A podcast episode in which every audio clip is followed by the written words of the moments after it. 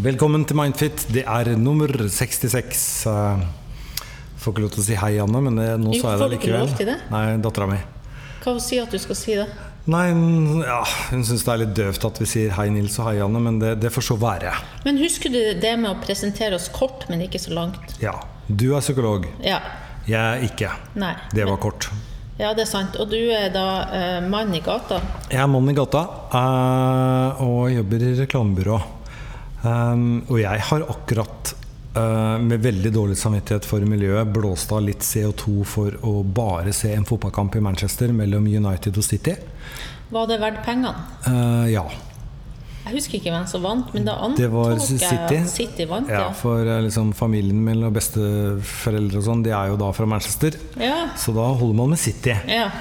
Men jeg bodde på et hotell. Det var, det var veldig seint ute da. Så det var bare ett hotell ledig. 300 meter fra var veldig billig. Jeg syntes det var litt rart. Og så kom jeg fram dit, og det viste seg at eh, det var et hotell og fin resepsjon. Men ingen av rommene hadde vindu. Og det var i en sånn nedlagt fabrikk, dette her. Du, det hørtes spesielt ut. Så jeg sjekka evakueringsplanen, eh, som jeg bestandig gjør på hotell for øvrig. Og fant vel ganske greit ut at eh, hvis det brenner her, så dør alle. Fikk du klaustrofobi da? Nei, jeg gjorde ikke det. Fordi det var sånn springfjærseng.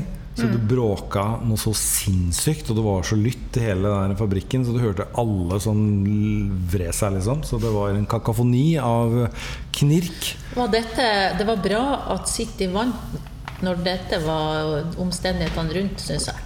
Ja, jeg er enig i det. Um, det har jo vært veldig Det skulle jeg ikke ha sagt, Nils. Du vet at sønnen min han heier på Liverpool.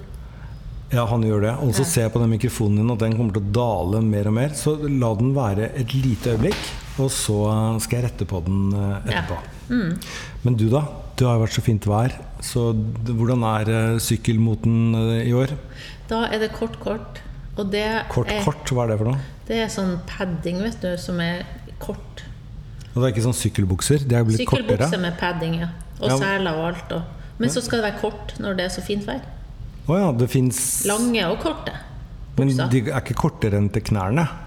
Og går godt, opp på lårene, da. Ja, så de blir mindre og mindre, disse, altså. Ja, du trenger, altså, det har vært så fint vær i Trøndelag, vi må skryte av det. Så nå har det gått an å sykle. Men nå tror jeg det endrer seg.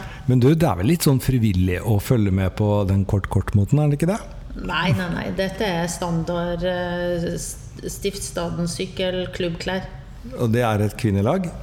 Kvinner og menn. Ok, og det er kort-kort på alle? Ja, jeg tror det. Du har ikke lagt merke til det? Nei. Det tror jeg ikke noe på. Ok, Nå fikk jeg et imaginært spark i leggen, og det betyr gå videre. Ja, Men du har rett i den mikrofonen. Nå har den gått enda mer ned. Da tar vi rett og slett og gjør en sånn liten bevegelse her. Problemet er at vi hadde jo dette um, programmet på denne ølbaren, og der er de to mikrofonstativene som ikke er henta ennå. Ja. Så derfor er det litt sånn teiping og sånn her nå. Den er veldig fin. Da får vi håpe den holder seg der. Den holder seg der. Det er flotte greier. Og da kommer vi tilbake og kan begynne på det første spørsmålet. Ja. Og da leser jeg. Jeg sliter med selvtillit og selvfølelse, og en jeg treffer, han vil eh, gjerne jeg skal ta initiativ iblant og flørte litt mer, som å være litt ertende mot han. Men jeg sliter med det. Jeg vil så gjerne, men noe i meg stopper. Høre stemmen min i hodet le av meg, og at hvordan kan jeg gjøre det uten å føle meg så klein, vil jo. Skal det også ha sagt at jeg var i tolv år eh, forhold før dette, hvor jeg ble ledd av når jeg tok initiativ, mm, eller at han etter samleie sa at han egentlig ikke hadde lyst på noe sex, kan dette ha ødelagt meg. Har jo ikke vært slik bestandig, og følelser er der, og klarer å være mer åpen med ham, som jeg aldri har klart med andre, ikke engang venner. Men hvorfor sliter jeg med initiativ, og flørte ekstra og varte litt? Hjelp, jeg vil så gjerne. Ikke bare for at han vil, men jeg vil også. Bare noe holder igjen, men jeg vet ikke hva. Hva kan jeg gjøre? Jeg syns jo hun Jeg syns egentlig at denne innsenderen svarer litt på det sjøl, Nils. Syns ikke du egentlig det òg? Jo, eh, altså Jeg ville bare sagt hopp i det, da, men det, det er nå meg. Jeg tenker hopp i det, men det jeg tenker på er mer årsaken, bakenforliggende årsaker. Fordi eh, dette har jeg snakka om mange ganger, eh, at, at folk blir ofte veldig selvkritisk, Opptatt av hva som er feil med dem. Og, og så tenker de veldig sjelden på at det kan ha noen bakenforliggende årsaker, og at de skal være litt sånn medfølende med seg sjøl.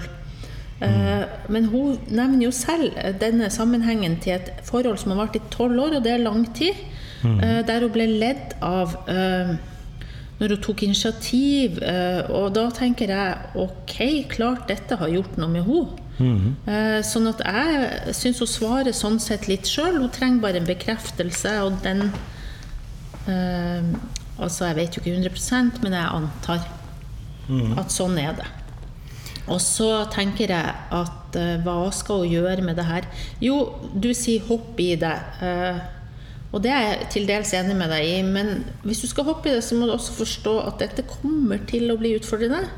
Men jeg tenkte på en ting, at hun i Ja. hvert fall må um, snakke med kjæresten sin nå og fortelle om eh, hennes historie med dette tolv år Ja, gamle forholdet. og at hun på en måte har blitt ledd av og sånne ting. Så Ja. at hun strever litt egentlig med det. Men Ja. hallo, hjelp oss. Ja, vet du, det er godt tenkt, fordi eh, det å si fra eh, sånn at begge to, både hun og han, kan være litt tolerant med at hun strever med det her, det tror jeg er et godt poeng. Nå klarte vi å rette på mikrofonen igjen uten at noen merket det. Mm. Men det, er, men det er mye skam til sex. Ja, altså, klart det at eh, i utgangspunktet òg, eh, hvis du tar initiativ til det, og så etterpå får høre fra kjæresten din at han egentlig ikke hadde lyst på Etterpå, liksom.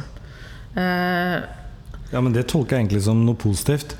Hadde egentlig ikke lyst på sex, men du klarte å erte meg så mye at vi hadde sex. ja, du kunne jo tolke det sånn, men det virker ikke som denne innsenderen har tolka det sånn. Det virker mer som denne innsenderen har opplevd det som en sånn slags avvisning. Da. Så, så, så er jo spørsmålet om det var sånn eller ikke. Det, det kan godt være at det ikke var sånn. Det vet jo ikke vi. Eh, men denne opplevelsen av å bli ledd av når du tar initiativ, da. Eh, at du ikke opplever deg som å bli tatt på alvor. Men nå er det jo følelser der. Og hun sier jo også at hun klarer å være mer åpen med han enn hun har klart med noe annet menneske. Ja.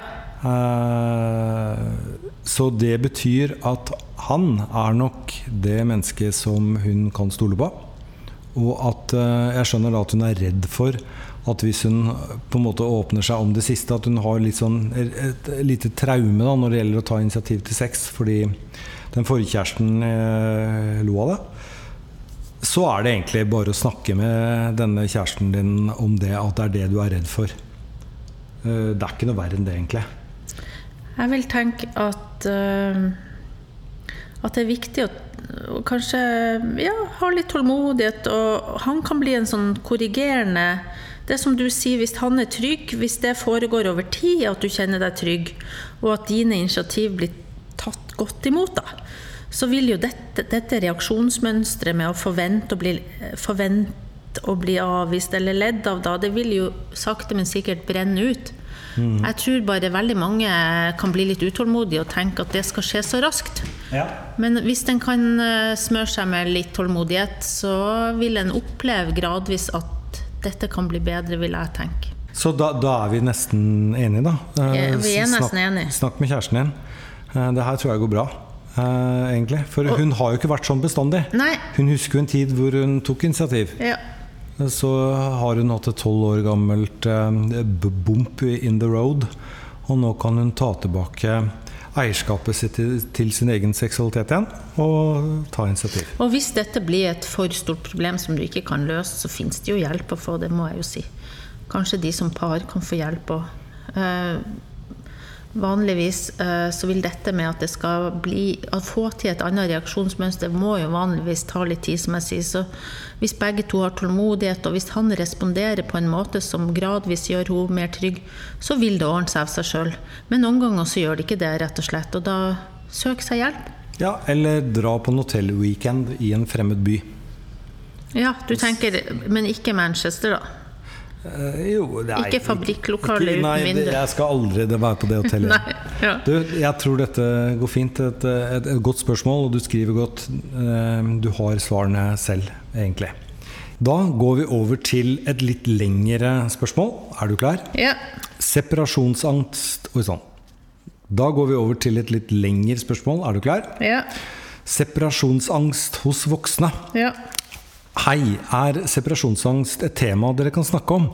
Separasjonsangst hos barn er velkjent og forståelig, og det er oftest forbigående, men hva med den varianten som rammer oss voksne? Har du som psykolog hatt pasienter med denne problematikken? Jeg får angst når mannen min går ut av døra, ikke fordi jeg anser meg som avhengig av ham, men fordi jeg grubler over alle ulykker som kan ramme ham, om det er siste gangen jeg ser ham, hvordan jeg snart får dødsbudskapet, hvordan jeg skal takle den sorgen som da kommer, osv. Jeg er fornuftig og velfungerende ellers, og føler meg selvstendig og sterk så lenge jeg har kontroll på at han er i live. Jeg har gått til psykolog og vet hvordan jeg må jobbe med dette, men eksponering og valg av fokus Men i virkeligheten klarer jeg det ikke, ubehaget blir for sterkt, og jeg unngår mest mulig å være borte for ham, samt ringer ham ofte for å sjekke at han lever og er tilgjengelig. Dette begrenser oss begge, og jeg vet at det er galt, men uroen er så sterk at den overgår fornuften. Jeg har ikke tatt beroligende, men er frista til det, selv om jeg vet at det ville gitt meg en ny avhengighet. Kanskje det likevel hadde vært bedre for mine nærmeste, som da fikk et friere liv, og slapp å måtte rapportere til meg at ja, jeg lever fortsatt med jevne mellomrom. Jeg har små barn som også skal ut av redet etter hvert, og er redd problemet også skal omfatte dem snart. Har dere tips til hvordan jeg eller vi kan slippe ut fra dette fangenskapet? Jeg har som sagt gått til psykolog, og det hjelper litt. Men dagliglivet og den vonde uroen i de faktiske situasjonene må jeg takle alene. Jeg har også prøvd antidepressiva, noe som hjelper litt, men som også lammer meg såpass følelsesmessig at jeg nå har sluttet med dem, og helst ikke vil måtte ta resten av livet. Jeg praktiserer mindfulness, og det har hjulpet litt med å se på tanker som ufarlige. Likevel, oppe i situasjonen er angsten dominerende. Jeg opplevde plutselig dødsfall på nært hold da jeg var liten, og var i tillegg sårbar, så jeg vet hvor dette kommer fra. I starten av forholdet vårt var alt normalt, men så forsvant han noen ganger.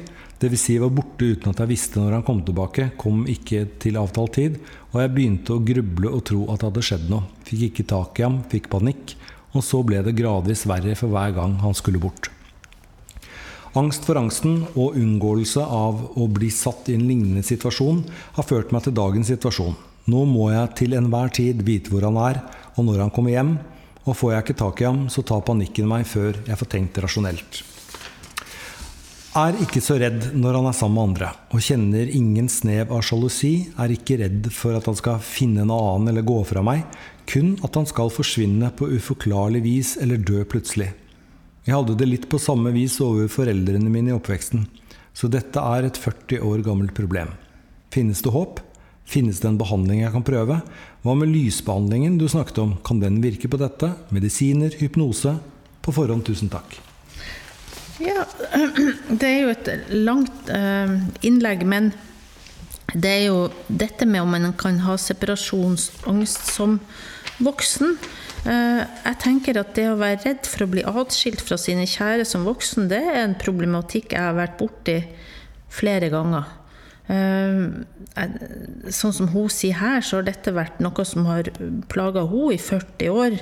Eh, men det jeg legger merke til, som jeg ser til mange av, mine, da, det er at det å ha opplevd plutselige dødsfall på nært hold, det er sånne ting som kan starte i gang Ehm, sånne typer reaksjoner, egentlig. Plutselig død, at det skjer noe vondt med de som en er glad i. Sånne typer hendelser er jo veldig traumatisk for folk flest. Og for noen så kan det ende i en sånn reaksjon der de blir redd for dem som er igjen, så klart. Og det kan jo gå over i, i en høy grad av bekymringsangst, eller type panikkangst òg, ikke sant. Eh, og dette som hun gjør òg, at hun sjekker hele tida hvor de er. og og jeg, jeg, tror jo på det å si at egentlig er hun ikke sjalu, eller det handler ikke om sånne type følelser for hun da. Eh, for hun handler det mer om en reell redsel for at han skal dø. Også og så noe som sikkert har forsterka det opp, er at det har vært noen sånne hendelser der han også ble litt borte. Eh, og da, eh, i tidlig forholdet, forsto jeg, eller tidligere her, at han forsvant noen ganger. Eh, det høres ut som han nå har, har, er veldig klar over situasjonen og egentlig prøver så godt han kan å rapportere hvor han er. Men det er klart det er slitsomt for dem begge i lengden, fordi ja, når han er borte, så kan jo ikke han helt slappe av heller, når han vet hvordan hun har det, og, motsatt. Mm. Så jeg tenker, ja. Dette er noe som en absolutt eh, kan streve med som voksen.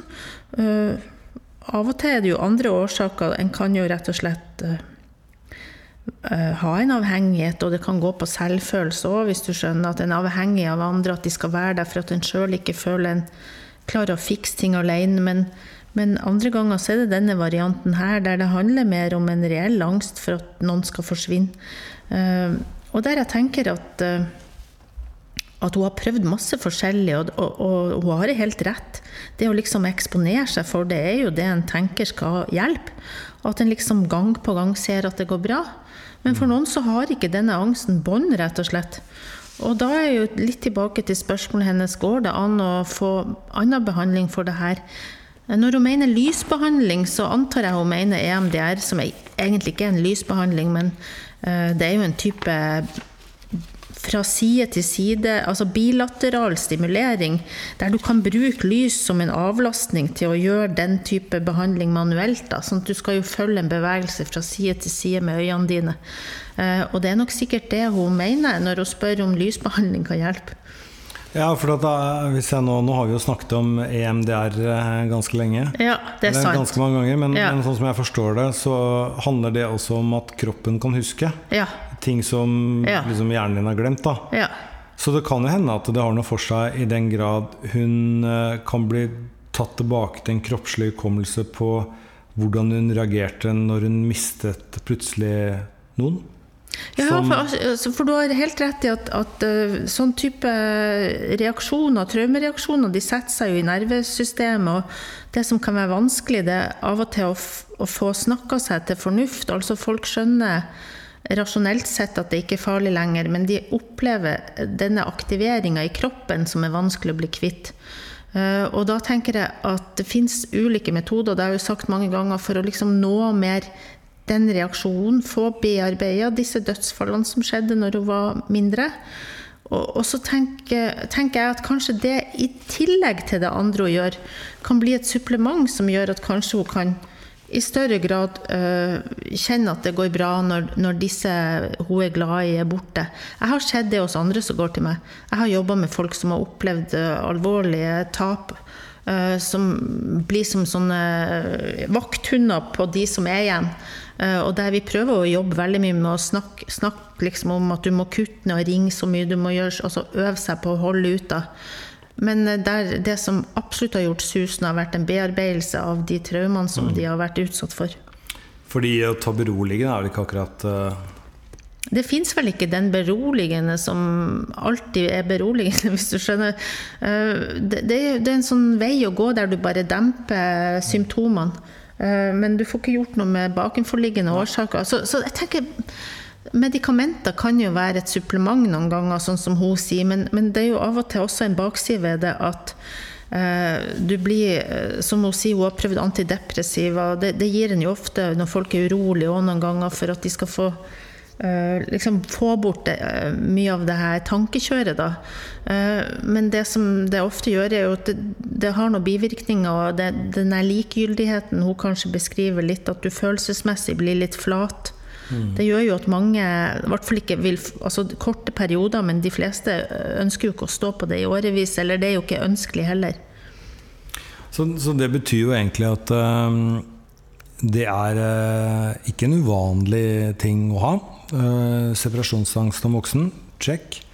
Uh, EMDR kan faktisk være en vei å gå. Mm. Altså les din anbefaling er at vi må gå tilbake til der det startet og forstå hva som satte det i gang. Ja, og så Om en skal kalle det separasjonsangst, det er jo ofte noe en knytter til barn. det er sant, For det er jo ofte noe som barn utvikler det er jo ofte noe som ordner seg i toårsalderen, og det er jo en type angst som barn ofte sliter med. Men, men, men, dette kan jo gå over i en mer en sånn type bekymringsangst for voksne, eller mer panikk. ikke sant? Så mm. angsten fortsetter å leve i deg, og om en skal kalle det separasjonsangst eller ikke, det vet jeg ikke. men Men det er jo, i hvert fall sånn som hun beskriver det, så er det et problem som jeg absolutt tenker eh, voksne kan slite med òg. Men jeg må bare si det at eh, hun, hun også skriver veldig bra. Eh, og hun kaller det jo et fangenskap, eh, som jeg forstår at det er. Eh, og hun vil gjerne komme vekk, ut og være fri. Og så skjønner jeg også at det må jo være ganske heavy for, for kjæresten eller mannen eller hvem det er. Hvis man hele tiden Ja. må rapportere inn. Ja.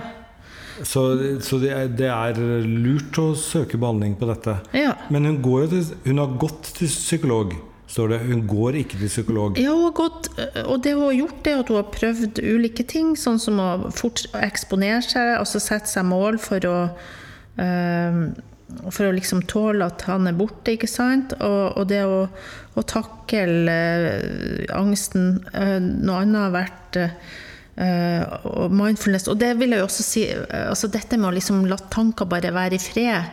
Eh, for at jeg tror hun må akseptere at hun har de tankene. At hun, hun ser jo for seg sånne skrekkscenarioer. Det høres mer ut som en type eh, det høres mer ut som type kvernetanker, altså at du bekymrer deg, eh, ser for deg skrekkscenarioer på ting, worst case, hva som skal skje. Så det er jo en god idé å kombinere eh, dette med å få traumebehandling med å også jobbe med å, å la de tankene være i fred og akseptere dem til en viss grad, men ikke hele tida gå inn i dem. Men, men for henne så er det så lammende kroppslig sett, hører jeg at at jeg tenker at kanskje, ja, absolutt prøv. Hvis hun skal prøve EMDR, da, som er et alternativ i dette tilfellet, så må hun sjekke ut, som jeg alltid sier, må sjekke ut EMDR Norge sine hjemmesider der og finne oversikt over terapeuter.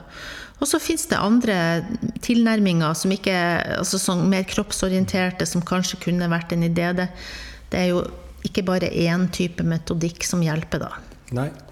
Du har så lyst til å ta et spørsmål til. Jeg har lest det nå. Vi kan ta det. Ja, ok. Eh, det er bra. Det tror jeg egentlig blir litt kort, sånn. For jeg, Ja, ja, jeg kjenner meg litt. Ja, litt igjen her. ja. Da må vi gå litt tilbake i ehm, papirbunken her. Hei. Jeg driver en liten håndverksbedrift. Ja, Da håper jeg egentlig at eh, vedkommende i stad føler at vi har svart godt på spørsmålet. Og vi oppsummerte egentlig med at EMDR er en god eh, ting. Gå inn på hjemmesida. ja. Da leser jeg spørsmålet. Hei, jeg driver en liten håndverksbedrift og jobber stort sett med private kunder. Det siste året har jeg gått mer og mer i en ond sirkel der jeg unngår kontakt med kunden og er sen med å svare på henvendelser. Mye av dette pga. at jeg er redd for at det er noe de ikke er fornøyd med. Mailboksen min er alltid full av uleste mail, telefonen full av ubesvarte og uleste meldinger. Jeg vet jeg må ta tak, men jeg klarer ikke å komme meg dit hen. Kan òg nevnes at jeg er godt gift, og har tre flotte barn, og hilsen fortvilet mann 33 år. Ja. Eh, det her må du nå, nå blir det bare mann i gata som snakker nesten, da. Altså, jeg har jo sjøl drevet en bedrift i ti år og Ja. kjenner meg litt igjen. Ja. Fordi du er alene. Du, han driver en liten håndverksbedrift. Kan godt være at eh, han har, er alene, eller at han kanskje har to, tre, fire, fem ansatte. Og du er egentlig det samme som jegeren var for mange hundre år siden. Altså du, det er du som skaffer mat på bordet. Og det er kun det, den jobben du gjør, som uh, gjør om å si, familien har uh, mat på bordet. Det er jo et stort Det kan være et sånn tyngende ansvar, da. Nettopp. Det er nettopp det det kan være. Og da det jeg tror han kanskje er på vei litt inn dit. Fordi man er redd i hermetegn for å bli avslørt som at man ikke fikser det. eh, Og sånne ting. Og da eh, er det litt sånn gjemme seg bort. Um, Jeg tror de fleste som driver eh, små enkeltmannsforetak eller små bedrifter, har opplevd det som innsenderen sier. At man ikke tar telefonen, tar ikke mail. Man er redd for å få dårlig beskjed og lar det mer skure og gå. Så skjønner man inni seg at dette går ikke. Hvordan komme ut av dette? Um, enten så tar du med deg kona di, eller så tar du med deg en god venn. Og så setter dere dere en lørdag eller en søndag, og så går dere gjennom mens han eller hun sitter og ser på at du gjør det. Så går dere gjennom alle mailene, og så printer dere ut alle mailene. Og så prioriterer du de mailene som haster sk- skitmye, haster ganske mye, kan vente. Og så begynner du rett og slett å svare på det som eh, haster mest, og jobber deg nedover. Hvis du driver en liten bedrift, så tipper jeg at det, det i hvert fall ikke er mer enn 30 ting som haster. Og 30 ting klarer du å plassere inn i en 1-2 måneders ting. Og så begynner du rett og slett å ringe. Jeg tipper at du har kommet deg helt nederst i bunken på to-tre dager. Ja. Og når du har gjort det, så kommer eh, vår venn i denne lille håndverksbedriften til å få en mestringsfølelse som er helt fantastisk. Det høres ut som du snakker av egen erfaring. Ja, Ja, du har vært litt der sjøl. jeg har vært litt der. Det kan også være hvis man har vel, er veldig pressa på Ja, for det tenkte jeg på. produksjon. Altså, ja, Så, så kan rekker man ikke Nei. å betale skatten, man rekker ikke å betale ditt. Nei. Og så begynner man å bli redd for herregud, er det en regning som gikk til inkasso nå? Oi, jeg må levere det anbudet. Herregud, jeg rekker ikke det. Altså at man er bakpå hele tiden. Og det kan også, for at det jeg opplever en gang, for jeg har jo mange som går til meg som faktisk sli, som sliter med dette med mailboksen, for at jeg jobber en del med utbrente. Det kan være et utbrenthetssymptom noen ganger òg.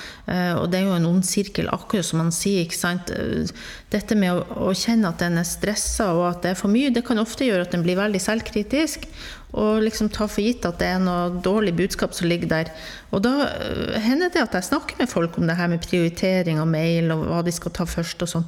Men det er et veldig stort skritt å, å komme i gang. Eh, og det for en som er i et enkeltmannsforetak er så klart ganske sårbart. Altså hvis du kjenner at du allerede er litt sånn på hæla for at du jobber for mye.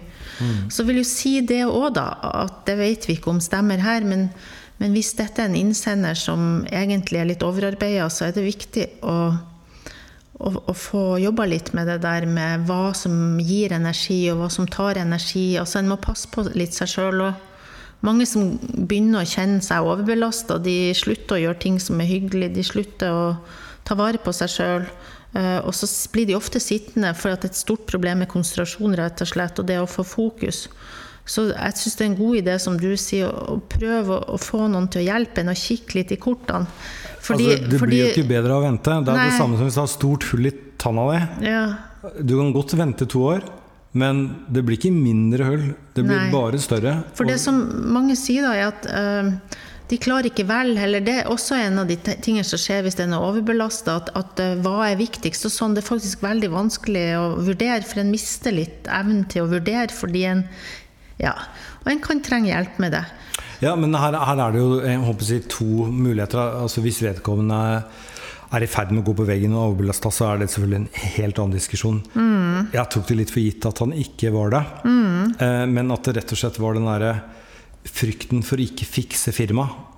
For den Ja, kan komme ja. at er det jeg gjør, egentlig godt nok. Ja, ja. ja. Er det mye, for da, da kan man også bare trekke seg bort, og da er det bare få en venn, jobb gjennom. Det eneste jeg kan love deg, er at det er Du tror selv at det er verre enn det egentlig er. Og det høres lett ut å si, Ja, men, det, men det er er min sant. erfaring òg med folk som har gått på en smell, eller er i ferd med å gå på en smell, at det, det fins en mulighet til å komme ut av det der òg, altså.